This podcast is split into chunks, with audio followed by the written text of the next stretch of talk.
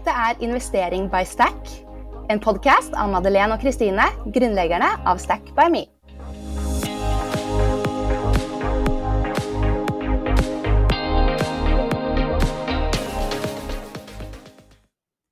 Denne episoden er sponset av regnskapssystemet 247 Office og ABG-stiftelsen for kvinner i finans.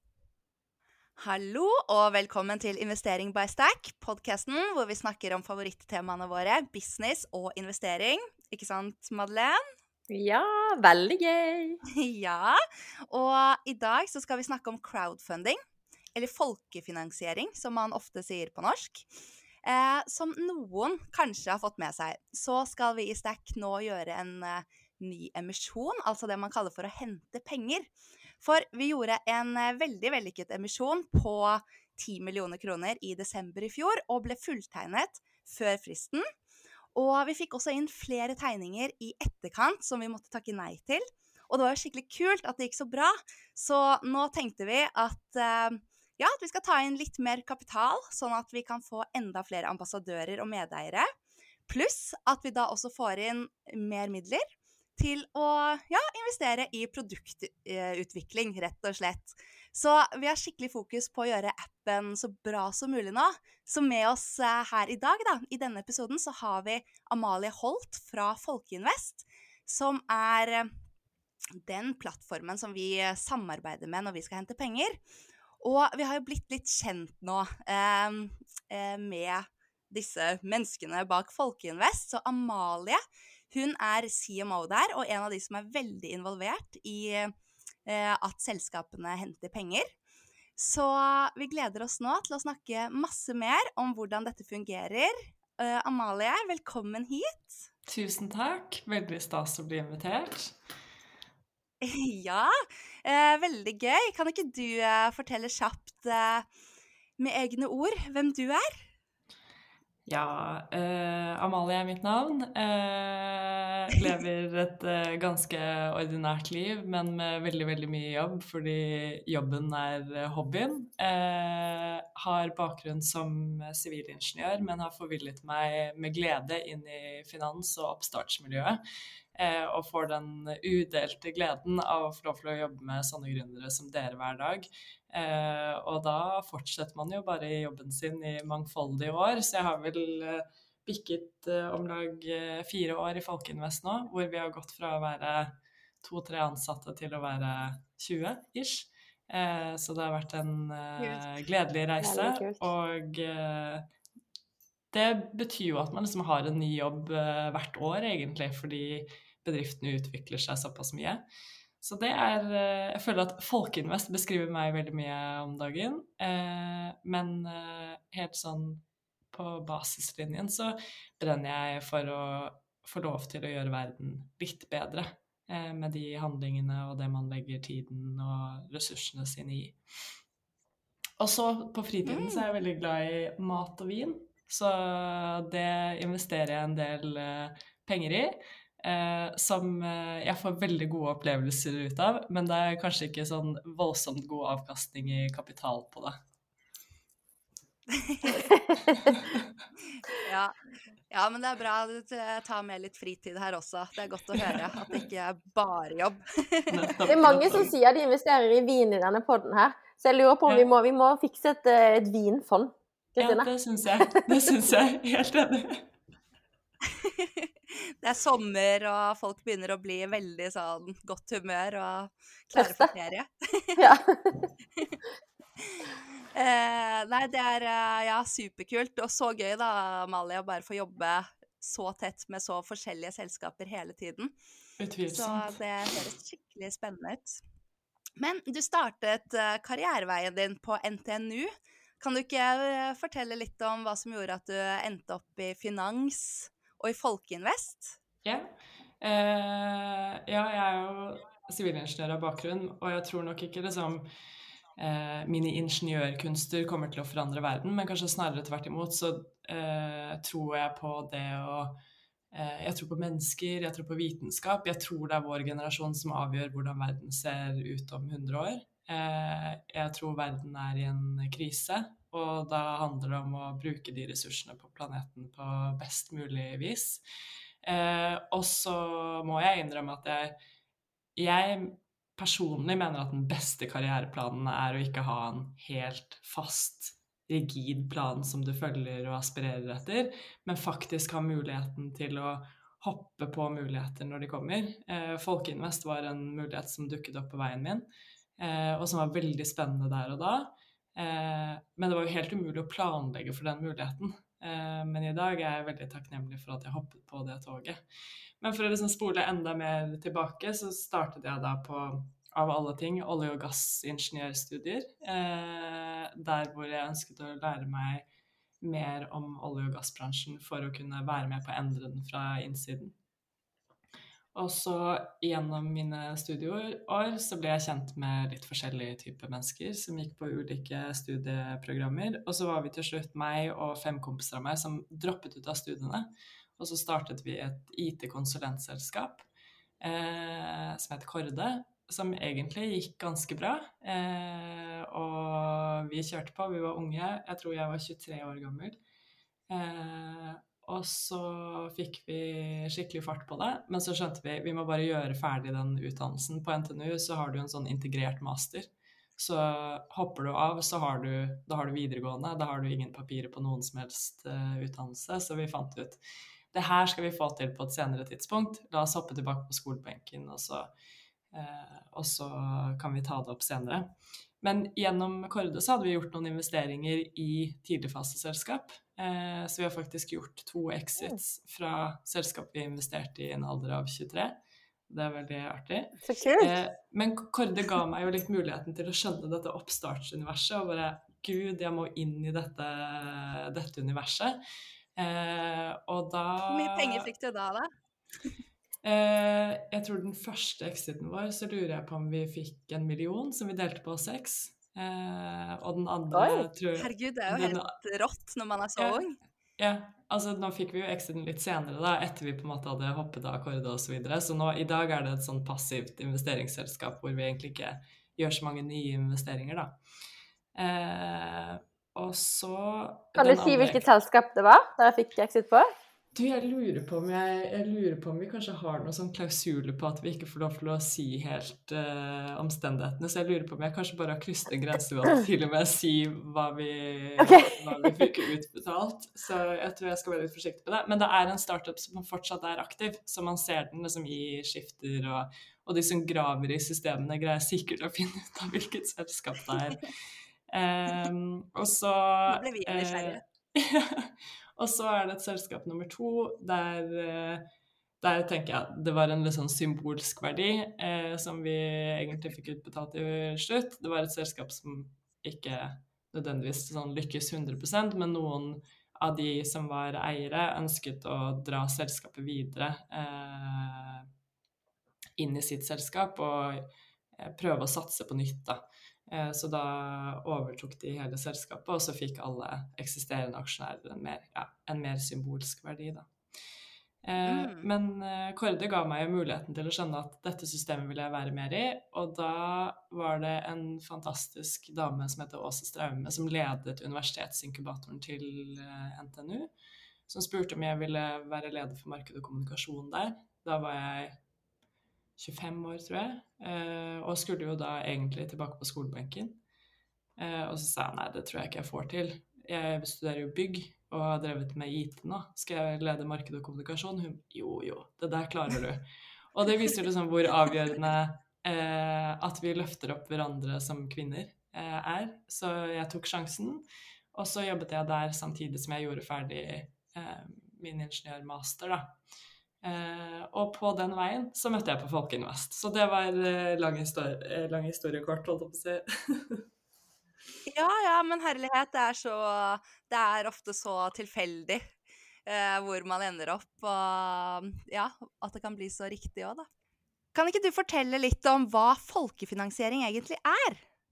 Jo, det kan jeg jo si noe om. Eh, folkefinansiering er jo et eldgammelt eh, konsept. Eh, jeg tror liksom det eldste dokumenterte sånn eh, eksempelet på det er reisningen av Frihetsgudinnen eh, på 1800-tallet, hvor det var eh, jeg tror det var hundretusener av amerikanere som finansierte med liksom dollar hver at man kunne eh, reise Frihetsgudinnen, som var en gave fra Frankrike.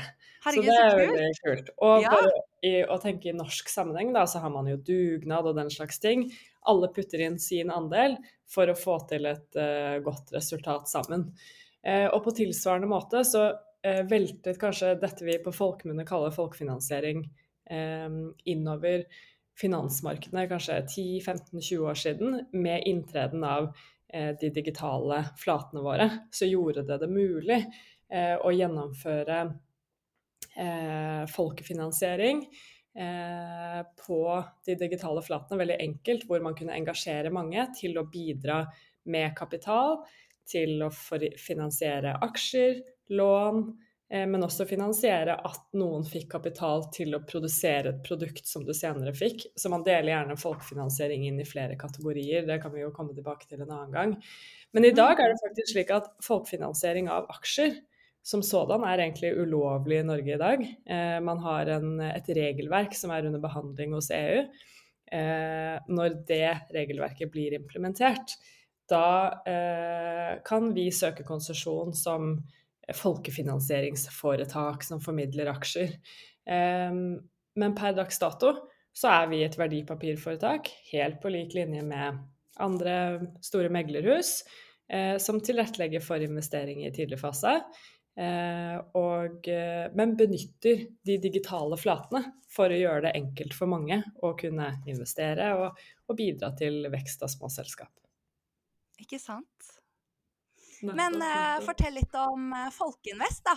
Eh, Ja. Det er jo ikke alle som på en måte kjenner så godt eh, til dere, og eh, hva som egentlig skiller dere fra en vanlig investeringsplattform, sånn som f.eks. Stack. Ja. Det er kanskje sånn flere dimensjoner man både skiller seg og er like. Eh, hvis man skal si det rent formelle, da, så er jo Folkeinvest et verdipapirforetak. Og det betyr jo at man eh, yter investeringstjenester, altså ulike tjenester knyttet til utstedelse og omsetning av finansielle instrumenter. Eh, og så har man tillatelse fra Finanstilsynet til å yte de tjenestene. Eh, men på mer folkemunne så betyr det egentlig at vi har eh, en tillatelse til å tilrettelegge for at virksomheter kan hente kapital fra investorer, eh, og da især de vi spisser oss eh, eh, spesielt mot, er jo da unoterte gründerselskap. Eh, at det er selskap med eh, ulike ambisjoner for å få til noe. Så kan vi ta Stack by Me som et eksempel. Eh, dere skal jo og har hentet kapital med Folkeinvest som tilrettelegger. Eh, og da gjennomfører jo eh, Folkeinvest en ganske grundig due diligence-prosess.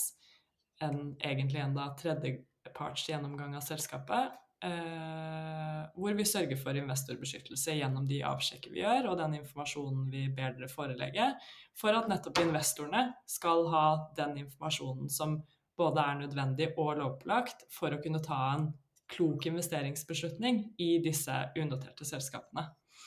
Eh, og jeg tenker jo eh, Det er jo mye som skiller oss og dere, f.eks. Og det som skiller oss kanskje mest, det er jo nettopp hvilke type finansielle instrumenter man tilbyr. Eh, vi tilbyr eh, stort sett, eller utelukkende, eh, unoterte aksjer. Der hvor dere tilbyr fond. Og Men jeg ser kanskje likevel ganske mange likhetstrekk. Vi har jo et gigantisk kapitalgap, og det er det jeg syns er helt strålende med Stack by Me. Eh, Dere virkelig jobber for å minke kapitalgapet. Eh, Fordi det er nå engang slik at det er menn som eier verden, og det er et, et par heldige utvalgte som eier verden. Og det er jo et, det er jo litt sånn komplekst å svare på hvorfor det er sånn. Eh, Men det er i hvert fall noe vi, jeg tror både Folkeinvest og Stack by Me er erkjent at man kan gjøre noe med. Eh, Mm. Og der tror jeg nettopp det å være veldig tilgjengelig digitalt, lære opp befolkningen gjennom typ tiltak som denne podkasten vi sitter i nå, eh, klare å prate på et folkelig, folkelig språk om eh, kapitalmarkedene og finansverden, gjør at flere er villige til å liksom hoppe ut i det eh, og prøve å utforske denne verden. For den er egentlig ikke så farlig sånn som den kan tilsynelatende se ut. Ja, det er nesten litt sånn eh, eh hva må si, bakover, eh, bakover landet. Det er så sterke eh, rådgivning og så sterke advarsler sant, på investeringer. Fordi ja, selvfølgelig investeringer kan falle i verdi. Eh, at man liksom skremmer vekk mange av de som egentlig burde, burde investert. Eh, så det virker litt sånn mot sin hensikt, da. fordi det er noen som har utnyttet systemet historisk. Um, men, men, ja, jeg syns det er veldig godt poeng det der. fordi vi hadde jo i emisjonen vår med dere sist 55 kvinneandel. Eh, og det er jo bra. Ja. Utvilsomt. Og det er eh, Det er blant Jeg tror det Vi har tre selskap som har en sånn andel, eh, altså kvinneandel på eiersiden, eh, som vi har hentet kapital til. Og det som er veldig spennende, det er at alle de tre selskapene har en kvinnelig gründer. Eh, og jeg tror det er litt sånn høna og egget-spørsmål eh, rundt dette med liksom, hvordan øker vi antallet eh, kvinnelige investorer. Og det tror jeg i stor grad henger med Vi må ha liksom, de gode eh, kvinnelige rollemodellene også på ledende posisjoner i gründerselskapene, slik at sånn som dere har brukt utallige timer på, det er jo faktisk å forklare til potensielle eh, investorer, som også tilfeldigvis er kvinner, hvorfor det kan være spennende å investere i Stack by Me eller investere i fond eller hva det skal være. Um, og jeg tror vi trenger de kvinnelige rollemodellene som eh, ivrer opp uh, alle, de, alle, de, potensielle investorene der ute som bare ikke har gjort det fordi de kanskje ikke har hatt tilgang på uh, de gode rollemodellene ennå. Ikke sant. Og det er det som er så bra med dere også, at dere gjør det tilgjengelig, at dere gjør det som du kalte en due diligence da, på alle selskapene. For det er jo ikke som privatperson så vet man jo ikke helt liksom OK, er dette selskapet bra eller ikke, og hvordan skal man egentlig vurdere det? Og det er jo det dere gjør, sånn at helt vanlige folk, alt fra studenter til eh, pensjonister, si, kan gå inn og eh, investere da, i selskaper man syns er kule. Men hvordan er det dere eh, går frem da, når dere skal eh, gjøre en sånn due diligence, altså at dere eh, ja, tar en skikkelig grundig sjekk på selskapene? Yeah. Eh, vi har en veldig sånn standardisert prosess som vi tar alle våre utstederselskap gjennom, altså de kapitalsøkende selskapene. Eh, først og fremst så er det jo greit å understreke at vi holder oss eh, til Vi prøver å ikke mene noe om ideen er god. Eh, så i utgangspunktet så får alle selskap med ulike ideer slippe i hvert fall gjennom inn i på en måte en onboardingsprosess hos oss. Eh, og vi vil aldri droppe en potensiell eh, utstederkunde fordi vi mener at ideen ikke er god. Fordi det tror vi faktisk at folket er i stand til å validere eh, hvorvidt eh, ideen er god eller ikke.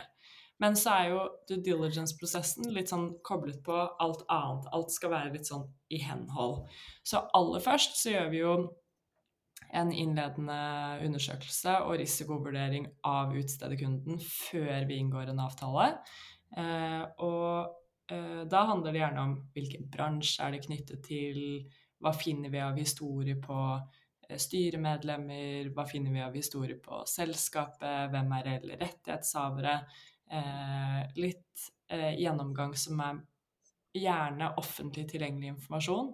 Eh, er det f.eks. En, eh, en av eh, eh, de reelle rettighetshaverne som er i konkurskarantene, f.eks., eh, da ville vi f.eks.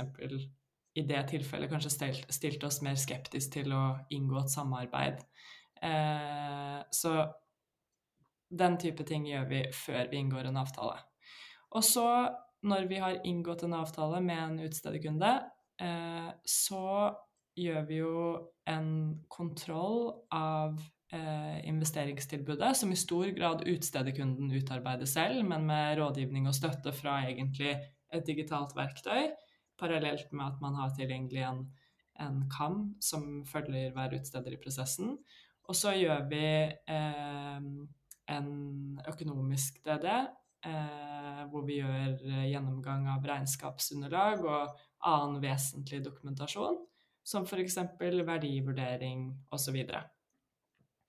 Eh, og rett før man er ferdig med eh, prosessen hos eh, Folkeinvest med å gjennomføre og utarbeide investeringstilbudet, så gjør vi jo typisk en ny kredittvurdering, regnskapskontroll ved perioderapporter osv., slik at man får en mest mulig oppdatert sånn økonomisk stede rett før man eh, eh, skal ut og hente penger fra investorer.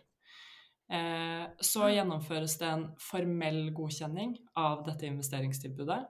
Der hvor eh, vi har en investeringskomité som går gjennom hele investeringstilbudet. Og da kan det være småpirk. Det har sikkert dere også opplevd. At det kan være liksom Her burde man kanskje skrive en annen tekst på toppen.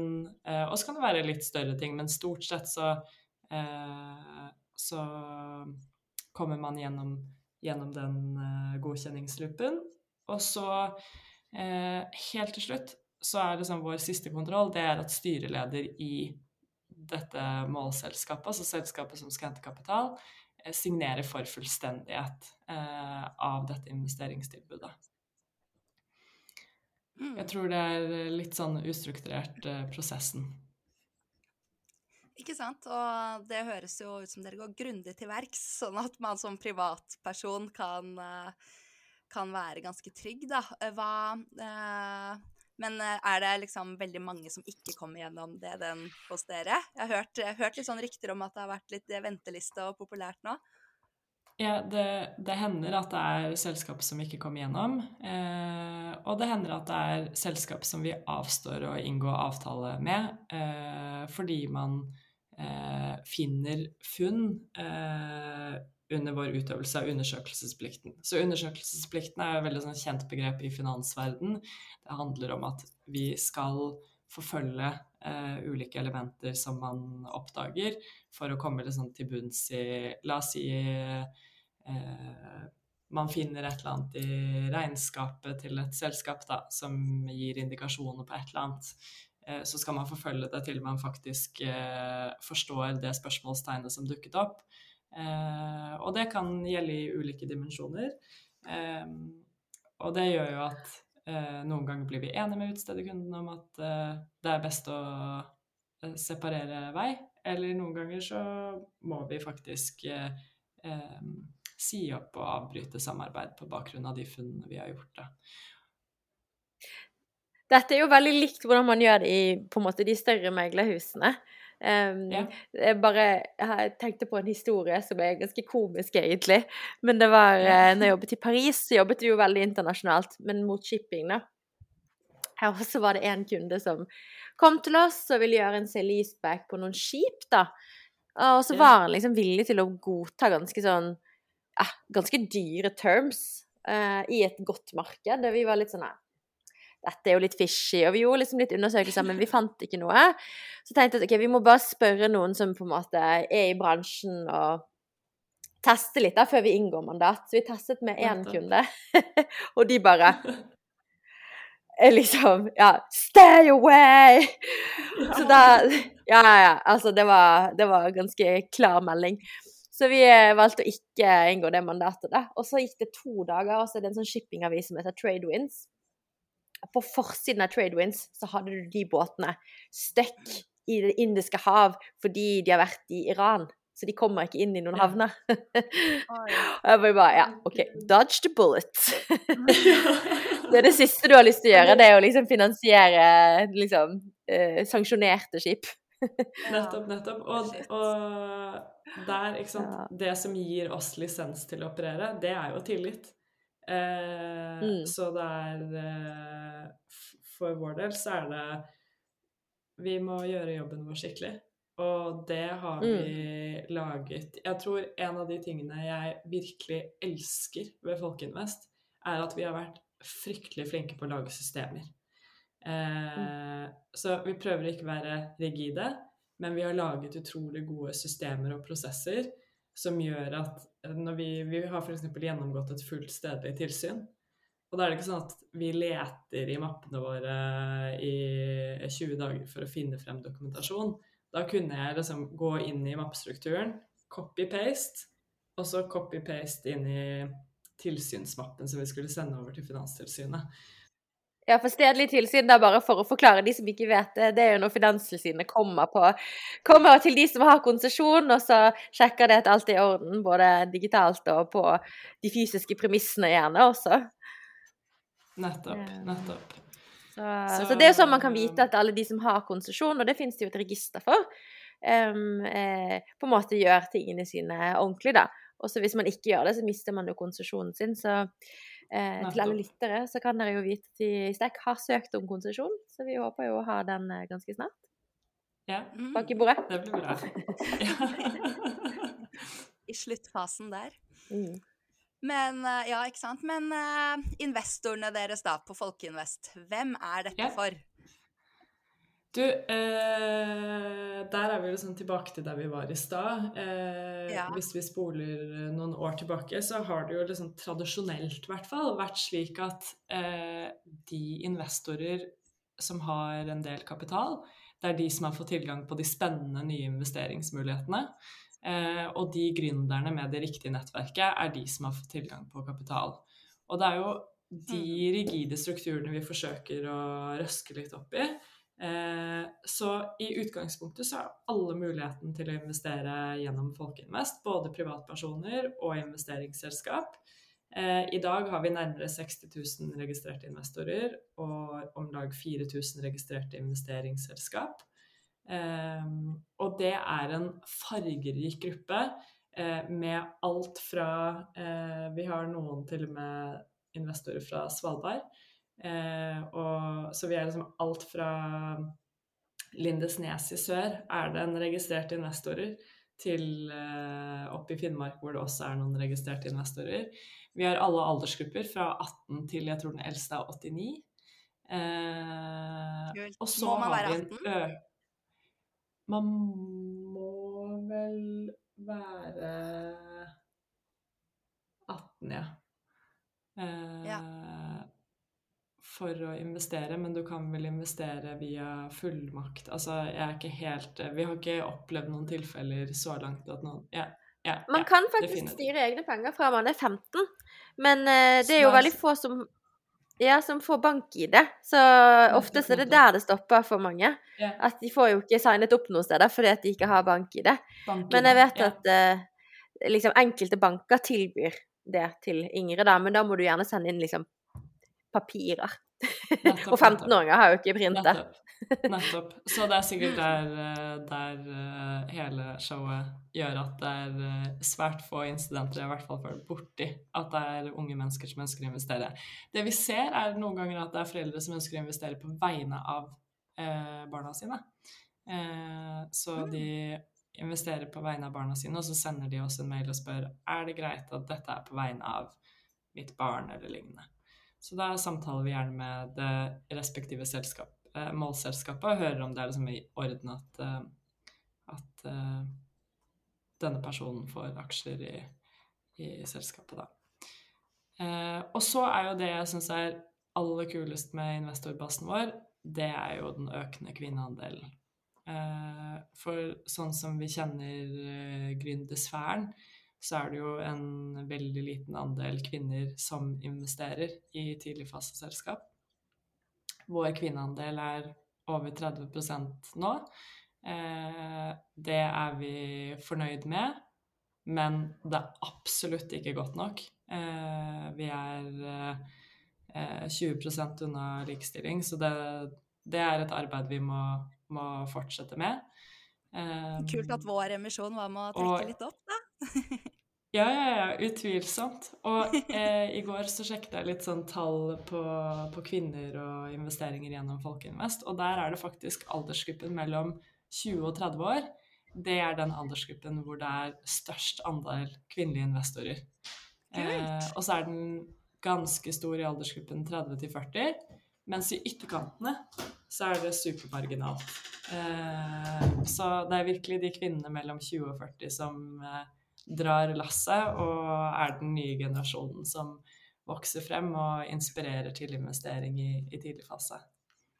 Kult. Vi syns jo det er veldig kult at det er så at liksom, ja, er helt vanlige folk som skal gjøre dette her. Fordi også for oss da, som har så sterkt community i sosiale medier, og vi er synlige, så passer det jo så bra eh, for oss å bare få med alle som medeiere, sånn at det, man kan få masse flere ambassadører, da, rett og slett, til Stack. Og ja, i og med at vi da sist vi hentet penger, eh, fikk, eh, da fikk vi over 300 nye medeiere som nå aktivt bruker appen, deler masse i sosiale medier, gir oss masse bra feedback, ikke minst. Og det er jo helt avgjørende og helt topp for oss å bare få alle med inn på eiersiden, da. Så for oss er det liksom bare et perfekt uh, case, egentlig. Vi, vi vil jo dette her, ha med folk. Så ja. Og at det var så mange som ikke ble med, da, så gjør vi jo nå en runde sånn at vi kan få med enda litt flere, så eh, Ja, fordi det var jo ganske Men... kult at det faktisk var så mange som tok kontakt i etterkant og sa ja, men ja. gikk jeg glipp av dette? Eh, ja. og det er drømmeemisjonene våre. Det er når folk stiller seg i kø, og den beste setupen er når folk ikke får plass. Eh, for da har, man jo, da har man jo en liste til å fylle neste emisjon. Ja. Vi, eh, vi, spurte jo også noen av de aksjonærene fra forrige runde om det var noen som ville selge litt, for det var noen vi vil, veldig gjerne ville ha mer, da. F.eks. Anita Krohn Traaseth. Um, ja. Så der uh, har vi meglet litt. Så jeg følte sånn oh, nå sitter, Det var nesten som å jobbe i Pareto igjen. Jeg satt liksom og meglet annenhåndsaksjer, og det var liksom Det var et par hundre tusen som uh, gikk i annenhåndsmarkedet. Um, ja. Så det var jo veldig gøy. Uh, med tanke på kanskje... å gjøre en ny emisjon, ja, så Nettopp, kunne vi jo liksom spart oss for det. Det hadde jo du Men det var litt gøy, da. Jeg syns det var litt fint for de første aksjonærene som på en måte ville ta litt gevinst, da, og få det. Ja, ja, ja. Og det tenker jeg er uh, greit å liksom knytte noen uh, ord til. Da. Uh, en unotert aksje som man kjøper gjennom Folkeinvest, den er jo veldig lite likvid. Uh, det vil si, en unotert aksje er jo ikke notert på børs, så du kan ikke helt automatisk kjøpe og selge osv. Det er litt mer sånn omstendelig prosess, som du, Madeleine, egentlig beskriver. da. Du styrer litt med en potensiell kjøper og en potensiell selger osv. Men det som er veldig spennende med at dere faktisk har eh, gjort første annonsalg, det er jo at man beviser at det egentlig er likviditet i aksjen. Altså her er det folk som ønsker å kjøpe, og det er eh, folk som ønsker å kjøpe for mer enn det forrige man kjøpte for.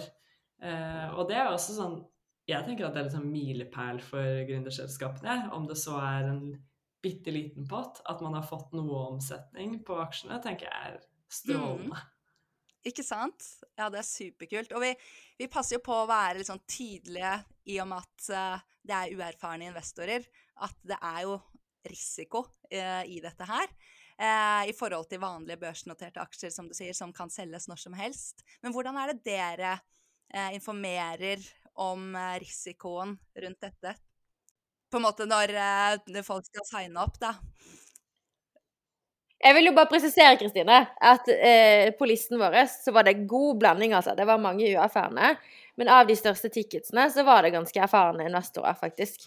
Så vi har en god blanding, da. Eh, ja. Men selvfølgelig, i denne poden er det jo mange som lytter som ikke er proffe investorer. Det er det jo. Ja, og så er det jo 60 000 registrerte investorer som på en måte eh, sikkert får noe info om eh, risikoen ved alle selskapene, egentlig. da. Nettopp, nettopp. Så eh, det er jo sånn som Madeleine sier, vi har en god del eh, Stort sett så ser vi at kanskje rundt eh, om lag 75% av kapitalen kommer fra mer profesjonelle eh, investorer, og 25% pluss kommer fra eh, de mer uprofesjonelle investorene, da.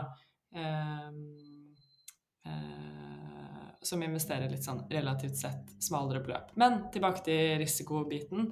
Eh, nummer én, når du lager deg en profil på Folkeinvest, så aksepterer du jo noen vilkår osv. Eh, der hvor du i hvert fall blir eksponert for at eh, her er det risikofylte aksjer du eventuelt har muligheten til å kjøpe. Eh, og så tror jeg kanskje den viktigste prosessen å gjennomgå i denne setting, det er når man finner en investeringsmulighet som man har lyst til å investere i, så eh, må du jo tegne deg gjennom folkeinvest.no. Og da typisk velger man antall aksjer man ønsker å kjøpe, og så fortsetter man prosessen. Og da må man Første gang man investerer, så må man gjennom noe vi kaller en hensiktsmessighetstest. Og det er noe som veldig mange i finansbransjen kjenner til hva er, men kanskje ikke alle. Eh, og det er en test som har til hensikt å teste om du har på en måte de grunnleggende forutsetningene eh, for å skjønne risikoen i den investeringen du skal gjøre. Og den er det, den hensiktsmessighetstesten stiller noen veldig egentlig ganske sånn basale spørsmål. Eh, om du f.eks. For forstår at du kan tape hele det beløpet du har investert. Eh, og hvis du svarer nei på den, så stryker du testen. Og da vil typisk Folkeinvest komme med en frarådning eh, for investering. Vi fraråder deg å investere fordi det virker som om du ikke har tilstrekkelig kunnskap til å forstå hvilken investering du er i ferd med å gjøre. Eh, dernest, hvis du består hensiktsmessighetstesten, eller hvis du velger å avse eh, den frarådningen vi kommer med, så må du gjennom en prosess der du må huke av for at du forstår at Folkeinvest ikke gir investeringsrådgivning. Altså vi rådgir deg ikke til å investere i denne enkeltaksjen. Man må huke av for at man forstår at uh, det er risiko i den investeringen man gjennomfører, eh, osv. Mm. Og så har vi krydret rundt omkring investeringstilbudene litt sånn småtekster hvor det står eh, litt om risiko. I tillegg til, som dere sikkert kjenner igjen, at alle utstederselskap påkreves å skrive noe om risiko i investeringstilbudet sitt. Eh, så man må skrive om de mest omtaler, de mest sentrale risikoene for det enkelte case i investeringstilbudet. Så man skal være godt eksponert for risiko, og går man inn og leser f.eks. når deres investeringstilbud står klart, går man inn da og leser det investeringstilbudet, eh, så kan alle dere nye som er, eh, ønsker å lære litt mer, kanskje prøve å lete etter disse risikokapitlene for å forstå litt mer om risiko. Jeg tror det er liksom et godt sted å starte. Mm. Og det høres jo på en måte ut som at det er veldig mange ting man må gjennom, og sånn, men dette her er jo ganske så kjapt og greit, og man huker av og signerer til slutt med bank i det. på en måte sånn. Uh, dere har jo, Plattformen deres har gjort det veldig enkelt å komme seg gjennom dette her. Utvilsomt. Jeg ser for meg Hadde man startet dette for 20 år siden, så hadde det vært liksom papirpost frem og tilbake, og det hadde tatt fem dager å investere. Men nå tar det jo faktisk mm. to minutter, da. Ja, ikke sant. Uh, så det var en av tilbakemeldingene vi fikk også sist, at uh, dette var liksom utrolig enkelt. da Når man først hadde bestemt seg for at man hadde lyst til å investere, så var det liksom Investere. Ja. Så... Men uh, give me the pitch, da, Amalie. Hvorfor skal man investere i crowdfunding? Uh, ja. Mot alt annet. Jeg mener jo at Ja. uh, da velger jeg å si hvorfor man skal investere i unoterte selskap, altså gründerselskap. hvis man bryr seg om hva som skal bli morgendagen vår, så tror jeg det er eh, viktig å putte kapitalen og ressursene og tiden sin den veien mot de, eh, de fantastiske gründerne der ute og de fantastiske selskapene som faktisk setter premisser for hvordan fremtiden vår ser ut. Eh, og det er det enkle svaret. Jeg tror det er helt avgjørende at eh, Altså, min verste, mine verste investeringer, det er alt mulig materielt skvip som jeg aldri får brukt, som bare har vært med på å forurense verden litt mer og mer og mer. Hvorfor har jeg ikke heller investert i en eh, enkeltaksje som prøver å gjøre verden litt bedre? Eller hvorfor eh, har jeg ikke investert i Jeg tenker jo også, før du kjøper deg f.eks. en eh, dyr væske, investere litt i det selskapet som produserer den væsken, og se Altså skjønn selskapet, skjønn hva de står for, eh, verdien osv. Så, videre. så eh, pitchen er veldig enkelt. Brenner du for og tror at eh, verden kan gå i en bedre retning, så har du faktisk muligheten til å påvirke gjennom dine investeringer. Bra pitch. Men vi er litt opptatt av tall også, da. Har du noe statistikk eh, internasjonalt? Eh, jeg vet ikke hvor lang historikk dere har i Norge, om du kan si noe om det, da. Men hva er liksom typisk eh, avkastning over tid, eller hvor ofte går disse selskapene konkurs? Har du noe tall på det? Eh, Ja, det har vi. Det fører vi statistikk på i Folkeinvest, så vi har jo holdt på siden 2018. Eh, så det er jo ikke så mange årene, men man begynner jo å kunne liksom eh, Ofte så sier man jo at man ønsker å se hvor selskapene står etter fem år. Eh, så man begynner i hvert fall å få så lang historie at man kan begynne å se noen tendenser. Eh, det er rundt 10% av selskapene vi har samarbeidet med, som har gått konkurs. Eh, så har vi om lag eh, 60% av selskapene som har en eh, flat verdiutvikling. Dvs. Si vi, vi vet ingenting egentlig om utviklingen deres. Eh, enten har de ikke hentet ny kapital, eller så har de hentet ny kapital til samme verdsettelse. Altså, men de er fortsatt operative. Eh, og så har vi 20% som har en positiv verdireise. Dvs. Si enten gjort en exit, blitt kjøpt opp, Eh, eller gjennomført nye emisjoner med en høyere verdsettelse, altså at man har hatt en papirgevinst da, som, som, investor. Man vet jo ennå ikke om man kommer til å sitte igjen med noe i hendene til slutt, men, men på, rent på papiret så ser det i hvert fall ut til at det har vært en positiv verdiutvikling. Da. Så jeg syns jo det er veldig sånn god statistikk hvis man sammenligner med eh, det at eh, i hvert fall statistikken som flyr rundt i miljøene, er jo at én av ti selskap overlever. Eh, mm. etter fem år, eller hva det er. Og hos oss er det jo én av ti som ikke har lykkes så langt. Eh, men igjen, eh, her må man jo justere for at man ikke har 10-20 år på baken. Da vil nok eh, statistikken bli enda mer presis, da. Mm. Mm, virkelig. Hva Eh, det siste jeg også som jeg lurer på, da, hva er minstebeløp som man må inn med? Det høres eh, liksom sånn å investor og investere, men eh, det ja, det kan være ganske Ganske lave beløp, kan det ikke? Nettopp.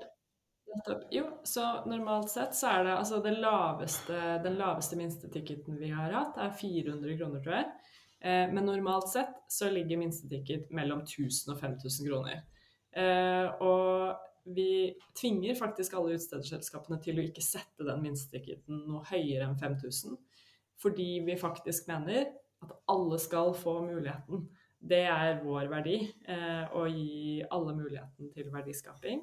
Eh, og da mener vi at det er helt avgjørende å sette den ticketen så lavt, slik at eh, alle faktisk har muligheten til å bli med. Og til og med på 5000 kroner så har jo ikke alle muligheten til å investere det, men det er i hvert fall um, tilrettelegge for at langt flere kan investere enn hvis den minste ticketen hadde vært 50 000. Mm. Ja, det er, det er, kjempebra. Vi hadde 5000 uh, sist, og tenker, uh, tenker, vel rundt det samme nå. Så Og det er jo kjempelurt med denne typen risiko. Som du sier, så er det jo på en måte 20% som skal stå for uh, avkastningen din, da, gjerne, um, av selskapene. Og da må man jo være spredt på ganske mange for å få det ut. Da. Og da Altså sånn Skal man putte 50 000 i hvert selskap, så er det jo i hvert fall ikke mange som uh, kan spre seg utover. Nettopp. Nettopp, nettopp. Ja, og den som, flest, den som, har flest investeringer gjennom Folkeinvest i dag Nå er jeg ikke liksom helt oppdatert i tall, men eh, det er en privatperson eh, hvor hen har gjort 62 plasseringer. Eh, totalsummen på de investeringene er 192 000. Så sånn ja. relativt beskjeden risikoeksponering i hvert case. Mm. Men eh, han eh, må jo sikkert finne et En av de casene kommer jo til å lykkes når du har investert mm. i 62 case. Mm. Shit. Ja, det er også en uh, strategi. Bare investere i masse uh, forskjellig. Ja. Satser på at vi er en av de, da. Mm. Får vi ikke han om bord, eller hen om bord, så eh, Nei, men uh, ja, så kult. Men uh, det er sånn på tampen, da, Amalie. Eh, investerer du noe i børsnoterte aksjer eller fond, da? Privat? Jeg investerer i Jeg har ikke tid til å følge med på enkeltaksjer. og så burde man kanskje gjort det. Kjæresten min gjør noe eh, greier for oss begge to. Men stort sett så investerer jeg i fond. Jeg syns det er fint å stole godt på fondsforvaltere. Eh, mm. Og har noe faste Jeg har uh, Hver gang jeg bruker kortet mitt, så går det penger på, inn på en egen konto som jeg setter inn på aksjesparekontoen min. Eh, og så går det mest i fond, altså. Og veldig sånn trygge fond. Ikke sant, ikke sant. Vi Hva er favorittfondet ditt, da? Eh, jeg tror det må være noen av eh, DNBs fond, kanskje. Jeg er veldig opptatt av bærekraft. Eh, opptatt av at eh, eh, jeg liker eh, at, som vi snakket om i stad, at kapitalen kan være med på å skape en bedre fremtid. Mm. Eh, så det er det aller, aller viktigste for meg når jeg gjør mine investeringer. Inkludert i min egen arbeidsplass, egentlig. Altså, det er jo grunnen til at jeg selv har investert kapital i Folkeinvest, er jo eh, fordi jeg virkelig tror på at vi er med på å endre fremtiden.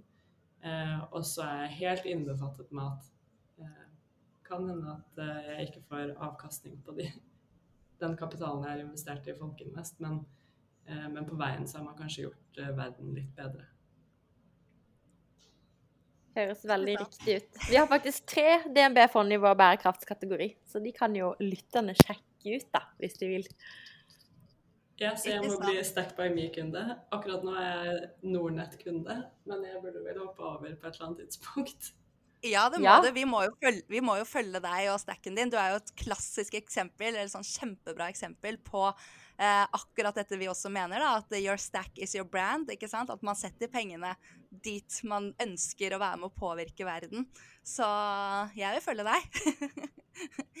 og ja, nei, det er kjempe Det er veldig mye bra dere gjør, og jeg liker på en måte grunntanken din. Men eh, vi renner litt ut for eh, tid her, eh, og vi tenker at det passer å runde av. Og eh, vi oppfordrer jo alle da, til å følge kampanjen vår på Folkeinvest nå fremover, fordi nå kommer det masse info der snart, og linken til det, det finner du i episodebeskrivelsen her i podden, eller på Instagram og eh, nettsiden til Folkeinvest og mange steder.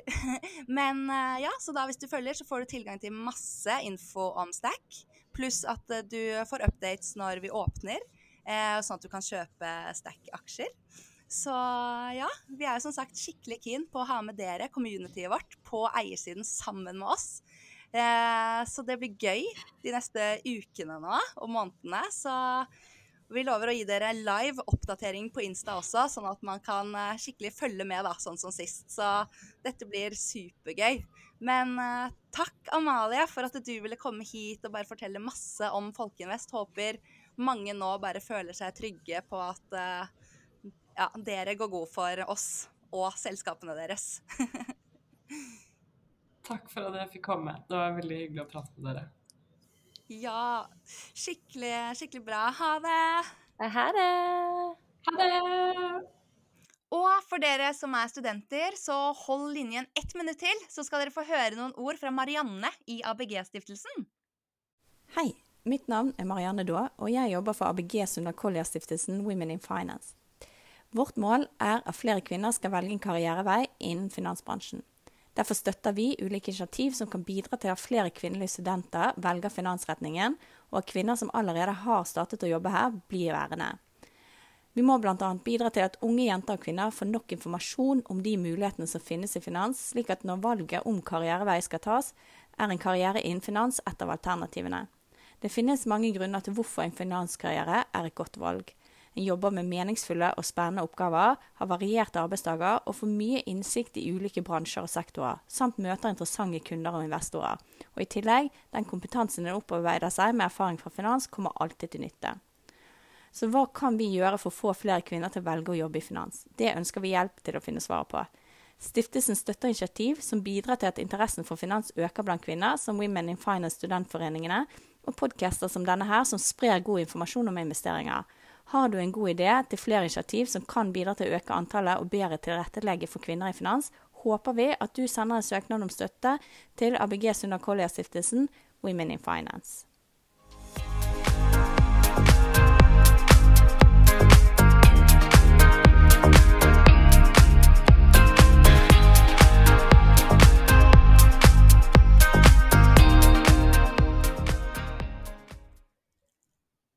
Det må sies at denne podkasten må anses som markedsføringsmateriell, og innholdet er aldri en investeringsanbefaling. Podkasten er kun ment til inspirasjon og informasjon. Så innholdet i podkasten bygger på offentlige, tilgjengelige kilder som Stack anser som pålitelige, men vi kan ikke gi noen garanti for nøyaktighet og fullstendighet bak dette. Så Stack by me tar ikke ansvar for eventuelle tap som dere lyttere kan møte dersom dere bruker informasjonen som blir gitt i denne podkasten.